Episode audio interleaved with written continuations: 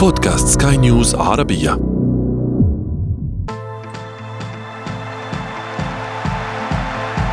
أثير الكرة.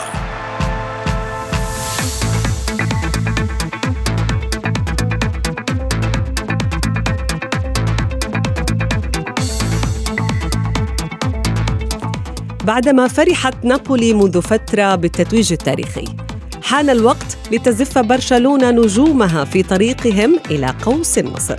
مرددة الدوري الإسباني لنا والمستقبل أيضا. المدينة احتفلت بابنها البار تشافي الذي تحدى أصعب الظروف واستعاد لقبا غاب عن خزائن النادي منذ أربعة أعوام. مشروعه الاستثنائي أتى بثماره ولو بعد حين. فهل ستعود على يده أيضا الحقبة الذهبية للبلو جرانا سنجيبكم في أثير الكرة معي أنا شذى حداد والبداية من العناوين. احتفال أسطوري في عاصمة كاتالونيا بعد حصد برشلونة اللقب السابع والعشرين. لابورتا يتحدى عرض الهلال ويجري مكالمة ودية مع ميسي أملا في استعادته. وفي فقرة ما لا تعرفونه عن كرة القدم نكشف لكم كيف خرق أكثر الفرق تتويجا بالألقاب. أبسط قوانين اللعبة وأكثرها وضوحاً.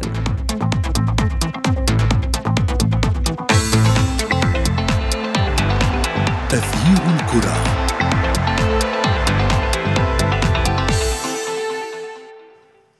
أهلا ومرحبا بكم مستمعينا الكرام في حلقة جديدة من أثير الكرة وفيها واحد من أجمل المشاهد التي مرت في شوارع برشلونة.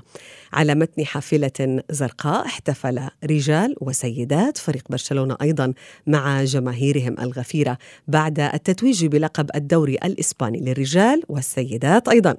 وكان لهذا الاحتفال طعم آخر. لأنه جاء في موسم متعب لربما للنادي الكتالوني. سواء على صعيد الإصابات الأزمات المالية وحتى الاتهامات بالفساد.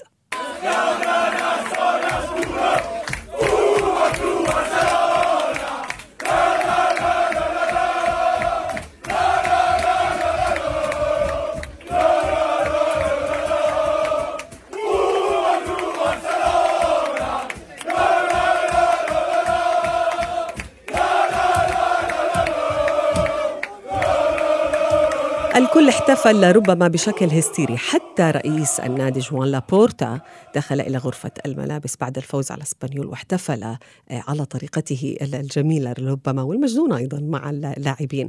الكل فرح لربما لبرشلونة بالفوز باللقب لأنه جاء بعد سنوات يمكن من المعاناة حتى مع وجود ميسي كان في آخر فتراته مع برشلونة كان الفريق يعاني. نتحدث عن هذا الموضوع مع ضيفي من برشلونة. ينضم إلينا الصحفي الرياضي محمد عبد العظيم. أهلا بك محمد في أثير الكرة. في البداية لربما سؤال طويل بعض الشيء وشائك يعني أو متشعب كيف حقق برشلونة آه، لقب الليغا؟ مساء الخير عليك يا شذى ومساء الخير على جميع المستمعين بالتأكيد برشلونة أخيرا يحقق آه، الدوري آه، ينسي جماهيره نوعا ما الإخفاق في دوري أبطال أوروبا والدوري الأوروبي والإخفاقات المتتالية للمشروع الرياضي الإخفاق على المستوى الاقتصادي إخفاقات كثيره مر بيها برشلونة في آخر خمس خمس أعوام. آه زي ما نقول إنه ده الدوري أو لقب الدوري اللي بينسي نوعا ما آه جماهير برشلونة همومها اللي ما انتهتش مع فوز آه الفريق آه بالدوري. بداية طبعا مع عودة لابورتا آه آه آه واستخدام تشافي وبناء فريق نوعا ما آه قادر على المنافسة على الدوري آه، انتدابات كثيره تعاقدات مهمة بالنسبة لبرشلونة في آخر سنتين أو ثلاثة تحديدا بعد تولي لابورتا المسؤولية. آه، وضعته نوعا ما آه، كند لريال مدريد اللي كان يصول ويجول في آخر أربع أو خمس أعوام في الدوري تحديدا لأنه ما كانش فيه منافس. الآن يوجد منافس على المستوى الدوري المحلي لكنه العقبه القادمه أو التحدي القادم بالنسبة لبرشلونة هو المنافسة على ألقاب عديدة أو بطولات عديدة في في نفس في نفس التوقيت وفي نفس الوقت حل المعضلة الاقتصادية. هل تعتقد بأنه فريق برشلونة وهذا السؤال الذي طرحناه أيضا على متابعينا على وسائل التواصل الاجتماعي آه، سألناهم هل فوز برشلونة باللقب قوة للفريق أم ضعف للمنافسين؟ يعني آه، البعض قال بأنه لربما برشلونة في لربما في النصف الثاني من الموسم كان ينافس نفسه دخل بعض الشيء أتلتيكو مدريد على الخط ولكن برشلونة لم يجد المنافسة الحقيقية التي اعتدنا عليها من القط والفأر في الدوري الإسباني. صحيح صحيح. بكل تأكيد هو ده مش برشلونة فقط إحنا بنتكلم على آه، آه، سمة الدوري الإسباني في آخر أربع أو خمس أعوام تقريبا. يعني نتكلم حتى على مستوى ريال مدريد لما فاز بالدوري ما كانش فيه منافس. يعني ريال مدريد كان بينافس نفسه. برشلونة في الوقت الحالي برضه بينافس نفسه. غياب أتلتيكو مدريد نوعا ما عن المنافسة آه، وتدهور الوضع مع مع سينوني حتى باحتلال المركز الثالث أو حتى احتلال المركز الرابع أو المركز المؤهلة لدوري أبطال أوروبا. غياب إشبيلية غياب فالنسيا غياب فرق عديدة اختفت نوعا ما من على آه، خريطة الكرة الإسبانية. أثرت بشكل كبير على المنافسة آه، ما بين ريال مدريد وبرشلونة وغيره. فاصبح الفريق اللي بيكسب الدوري فريق بينافس نفسه. فريق بيعتمد على تعثرات الآخرين حتى دون دون النظر إلى نتائجه. يعني برشلونة في وقت ما ما كانش مهتم هو يفوز ولا يخسر أو يتعادل. في ماتشات كتيرة برشلونة ضيع نقط فيها بسبب إن ريال مدريد آه، تعثر قبله. فدي مسألة واضحة آه، وده يعني صفة واضحة تحديدا في الدوري الإسباني خلال الخمس سنين الماضية. نعم. آه، محمد ابقى معي. فاصل قصير نعود بعده لمتابعة أثير الكرة.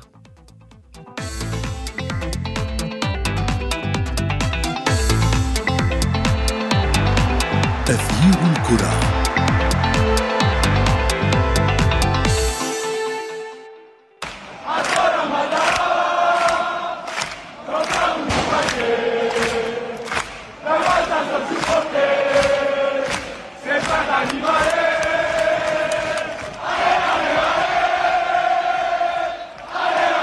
هذا جزء بسيط لربما من احتفالات آه، مدينة برشلونة عاصمة كاتالونيا بلقب الدوري الإسباني. يمكن الاحتفالات ستكون أكبر بكثير عندما ينتهي هذا الدوري رسميا. نتحدث عن هذا الإنجاز مع ضيفي. أهلا بك محمد عبد العظيم من جديد ونرحب بضيفي الإعلامي الرياضي مجدي القاسم. أهلا بك مجدي. ذات السؤال السؤال الأول الذي سألته لمحمد ما هي أبرز الأسباب برأيك التي جلبت اللقب لبرشلونة؟ بكل تأكيد الله اوقاتك شذا والمستمعين وضيفك الكريم بكل تأكيد هنالك عديد العوامل توافرت في في أن يصبح برشلونة الآن بطل لبطولة الدوري بعد أربع سنوات من الغياب. آخر مرة حقق فيها الفريق اللقب كان ليونيل ميسي قائد للفريق. منذ أن غادر ليونيل ميسي عانى الفريق كثيرا بحكم أنه يحتاج لقائد كبير يقود الفريق يقود المنظومة حتى للمنافسة على البطولة المحلية. غاب القائد بالتالي غابت الألقاب وأيضا الفريق دخل في نفق مظلم دخل في أزمة اقتصادية هزت الفريق هزت كل أركان الفريق. الفريق كان تائها العديد من الصفقات التي لم تؤتي اكلها أصبح هنالك أزمة مالية كبيرة. بالتالي أول اسباب أعتقد بأنه وجود لابورتا. عندما جاء لابورتا حل كثيرا المشكلة الاقتصادية. رحل أصحاب الرواتب العالية حتى ضحى بميسي رغم رمزية ميسي في الفريق وقيمته في الفريق ويدرك تماما رحل كوتينيو رحل جريزمان رحل سواريز أصحاب الرواتب العالية من أجل أن يقلل النفقات. قام بمغامرة كبيرة وهي الرافعات الاقتصادية. انتقدوا الكثيرون بكل تأكيد على الرافعات الاقتصادية لكن هو كان يريد أن يوفر الأسباب من أجل أن يعود برشلونة مرة أخرى لمنصات تتويجه. وبالتالي أعتقد أن لابورتا الرقم واحد في تتويج برشلونة بلقب الدوري، رقم اثنين أعتقد انه تشافي هرنانديز وما أحدثه في الفريق من نهضه وأيضا إدخال عناصر الشباب مرة أخرى، تشافي وهو من عشاق مدرسة اللمسية، بالتالي الاعتماد على اللاعبين الشباب من اللمسية الآن نشاهد لامين يامال مثلا على سبيل المثال بهذا العمر 15 سنة يشارك مع فريق برشلونة. نشاهد بالدي بهذا العمر يتواجد. جافي في التشكيلة الأساسية. بالتالي أعتقد أن فكرة شافي الآن يفرض نفسه ويستحق عليه كل الاحترام. السبب الثالث أعتقد بانه وجود حارس كبير وعملاق بحجم تيرشتيجن صح. عندما نتحدث عن 25 clean sheet من 34 مباراة مم. وحتى ما تبقى شذا من مباريات نتحدث عن 12 هدف آه، اثنين منهم بنيران صديقة الآن تشافي تيرشتيجن على موعد مع رقم قياسي في القرن ال 21 في إسبانيا بفارق فقط آه، هدف واحد خلف الرقم القياسي اللي كان مسجل باسم تشيلسي مع موريني في موسم 2004 2005 صحيح. أريد أن أركز على النقطة الأولى محمد يعني الذي التي قالها مجدي عن أو النقطة الثانية تشافي. هل هذا اللقب يكفي لأن يسكت تشافي منتقديه الذين قالوا بأنه لا يستحق تشافي كمدرب شاب أن يحمل على أكتافه فريق عملاق مثل برشلونة؟ آه لازم نبص دايما بشكل عام على أي حقبة لأي مدرب آه في فترة كبيرة نوعا ما. يعني ممكن نبص خلال خمس أو ست سنين نقول تشافي آه عمل إيه. طبعا البيئة بشكل عام في برشلونة أو ريال مدريد هي بيئة متطلبة بمعنى إنك مش هتفوز مش هتفضل في مكانك. لكنه في الأخير لازم نبص على المدربين هو بيعمل إيه دلوقتي بالأدوات إيه المتاحة بالنسبة له ويحقق إيه بيها. دي الحاجات اللي إحنا لازم نقيم بيها عمل اي أي مدرب. تشافي نجح في جزئية مهمة وهي جزئية الدوري المحلي حاليا. هو معاه لقب لكنه ده زي ما قلت هو نوعا ما حاجة بتنسي جماهير برشلونة همومها وممكن تكون في هموم أكبر خلال الفترات المقبلة. بمعنى إحنا بنتكلم دلوقتي على فوز بالدوري المحلي. طيب لو برشلونة الموسم المقبل خسر الدوري المحلي وخرج من دوري أبطال أوروبا. هيكون التقييم إزاي؟ هيكون التقييم مختلف. عشان كده دايما بقول إنه دايما لازم يكون التقييم لأي عمل بالنسبة لأي مدرب على فترة طويلة نوعا ما. ما نقدرش نقول إنه تشافي طبعا حقق إنجاز بالفوز بالفوز بالدوري المحلي ممتاز لكنه غير كافي لأنه تشافي في بيئة متطلبة للغاية زي برشلونة. نعم. مجدي أعود إلى نقطة الجانب الدفاعي اللي تحدث عنه إضافة إلى تيرشتيجن والإنجاز الكبير اللي حققه. يمكن أفضل شيء كان في الفريق فعلا هذا الأمر. 13 هدف ب 34 مباراة.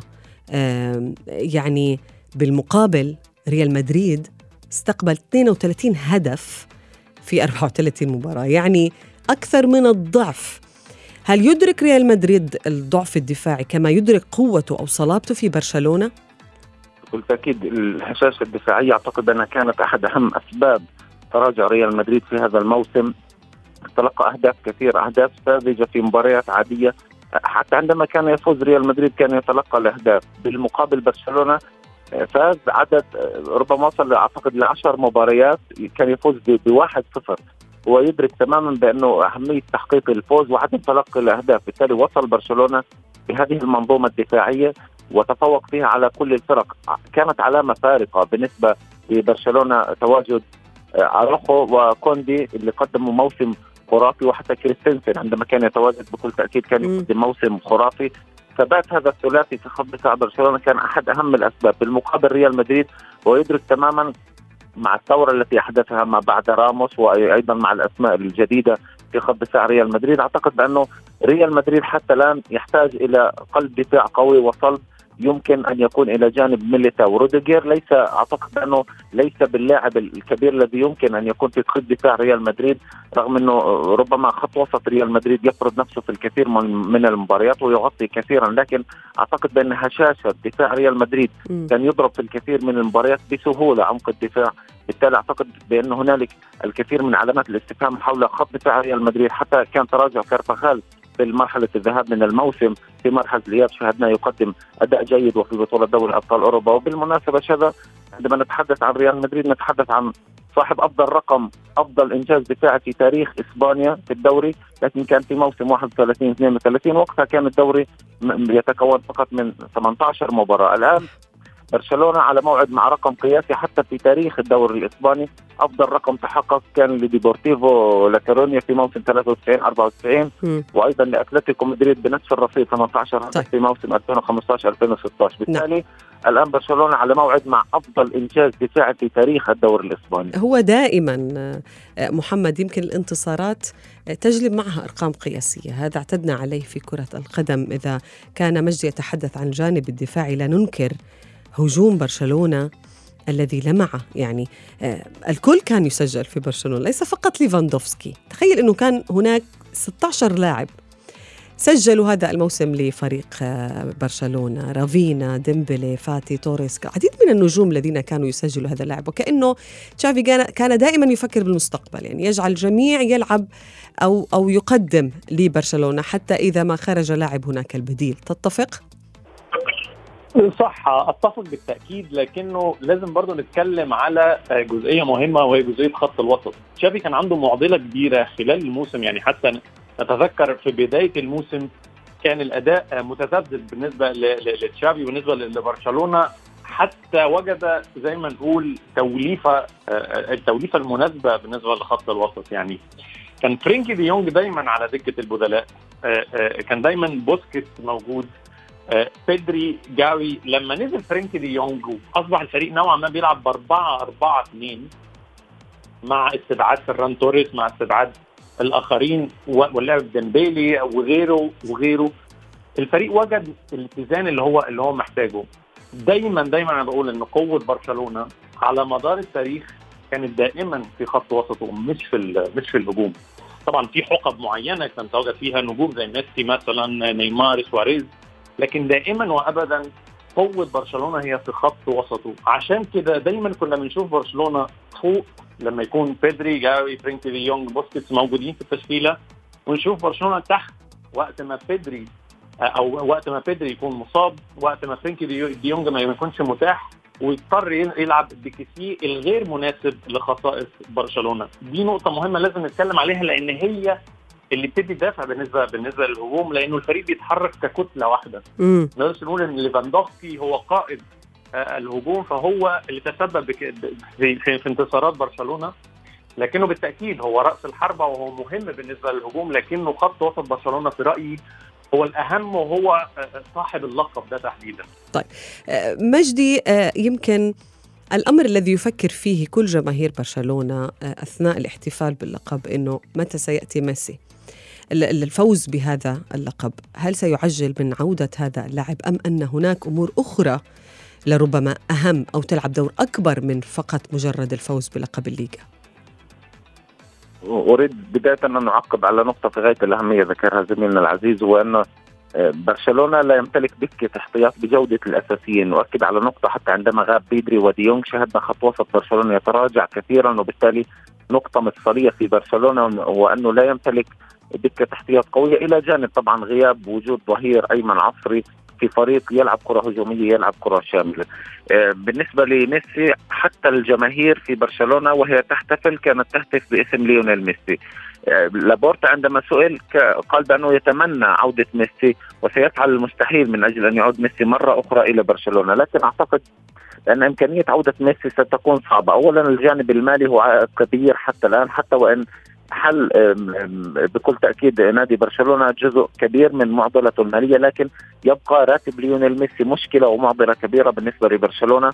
هذا جانب الجانب الآخر هو فترة ما بعد ليونيل ميسي. الفريق الآن عاد مرة أخرى إلى منصات التتويج.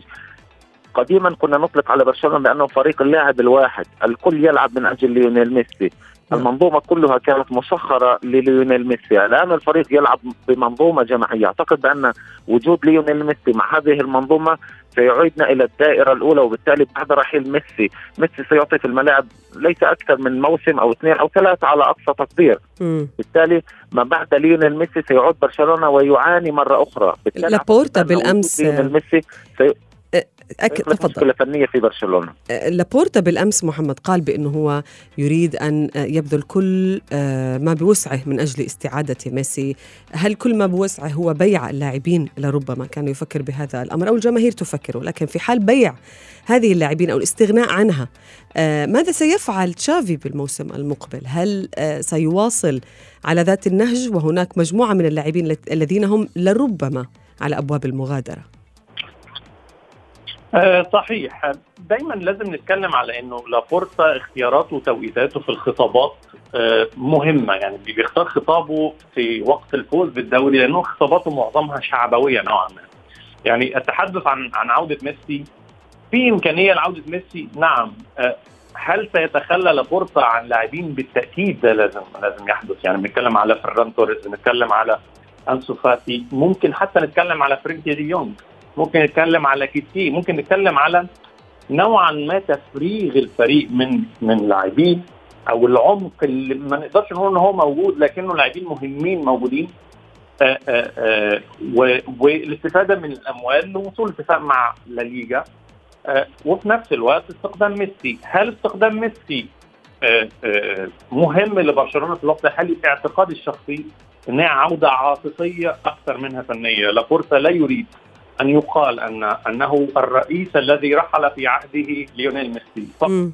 لكنه هل ليونيل ميسي موجود أو يتواجد في الفريق هيضيف فنيا؟ طبعا هيضيف لكنه ما هي مدى الإضافة بالنسبة للاعبين اللي ممكن تستخدمهم بالأموال اللي ممكن تجيبها من بيع اللاعبين؟ يعني هل من الممكن آه، مجدي أن يكون لابورتا هو الرئيس الذي جلب أو أعاد ميسي إلى برشلونة؟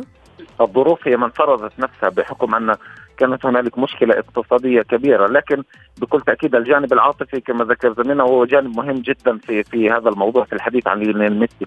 لكن الآن الجانب البدني بالنسبة لليونيل ميسي لم يعد يقدم ذلك الأداء الذي كنا نشاهده قبل أربع أو خمسة مواسم. بالتالي فنيا لن يستفيد البرشلونة كثيرا. أنت كنت تتحدث عن القائد مجدي في بداية الحوار. كنت تتحدث عن القائد لربما آه، القائد في الميدان هو ميسي. لكن الآن ليس ميسي قبل خمسة أو ست سنوات، بالتالي ميسي تراجع كثيرا حتى مع باريس سان جيرمان مع المنتخب الأرجنتيني. صحيح بأنه يلعب بدور القائد بشكل أكثر من ممتاز، أفضل من السابق. نعم صحيح، لكن أعتقد بأن ميسي الآن يصل سيصل إلى عمر ال 35 بالتالي بدنيا فنيا لن يقدم تلك الإضافة الكبيرة التي كان يرجوها برشلونة والآن الفريق بشكل جديد بالتالي وجود ميسي سيعيد الفريق إلى نقطة فريق اللاعب الواحد. الكل يلعب من أجل ليونيل ميسي. بالتالي أعتقد ان عودة ميسي إلى برشلونة ستكون خطأ كبير. يرحل الآن يمتلك تاريخ وسجل كبير مع برشلونة أن يرحل في هذه في, في, في هذا الوقت. ويبتعد عن برشلونة أعتقد بأنه أفضل شيء يمكن أن يفعله ليونيل ميسي. تصريح خطير مجدي، سأعود إليك يمكن لربما بنهاية هذا الموسم لنعرف عندما يذهب ميسي إلى أين سنتحدث عن هذه النقطة ولكن في النهاية ألف مبروك لفريق برشلونة ولجماهير آه هذا النادي الفوز بلقب الدوري وشكرا لكما ضيفي الاعلامي الرياضي مجدي القاسم والاعلامي الرياضي محمد عبد العظيم.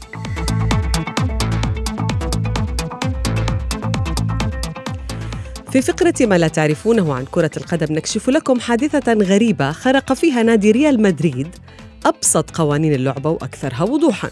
خلال مباراته بالدور الإسباني أمام ختافي طلب المدرب الإيطالي كارلو أنشيلوتي بإخراج ماركيو ماركو أسنسيو صاحب الهدف الوحيد في اللقاء وإدخال المدافع ألفارو أودريوزولا. كان هذا التبديل هو الخامس والأخير للميرينجي ولكن بعد دخول اللاعب أرض الملعب قرر أنشيلوتي طلب إعادة التبديل عندما لاحظ إصابة لاعبه الفرنسي إدواردو كامافينجا على أرض الميدان. بعدها وافق الحكم على تغيير التبديل. فأعاد أسنسيو لأرضية الملعب وأخرج كامافينجا المصاب. وفقا لقوانين اللعبة التي نشرها مجلس الاتحاد الدولي لكرة القدم لم يكن ينبغي على مدريد التراجع عن التغيير الذي اختاره للأفراد فالقانون رقم ثلاثة يقول يكتمل الاستبدال عندما يدخل البديل إلى ميدان اللعب ومن تلك اللحظة يصبح اللاعب المستبدل لاعبا مستبدلا. لكن يبدو أنه في استاد سانتياغو برنابيو لم يتبع الحكم خوان مارتينيز مونويرا هذه القاعدة فمع إصابة كامافينجا كان على ريال مدريد اللعب بعشرة لاعبين وعدم السماح لأنشيلوتي بالعدول عن قراره.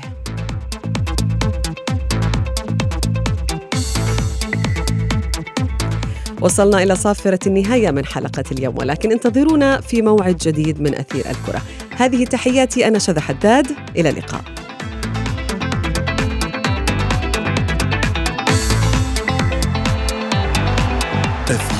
تغيير الكره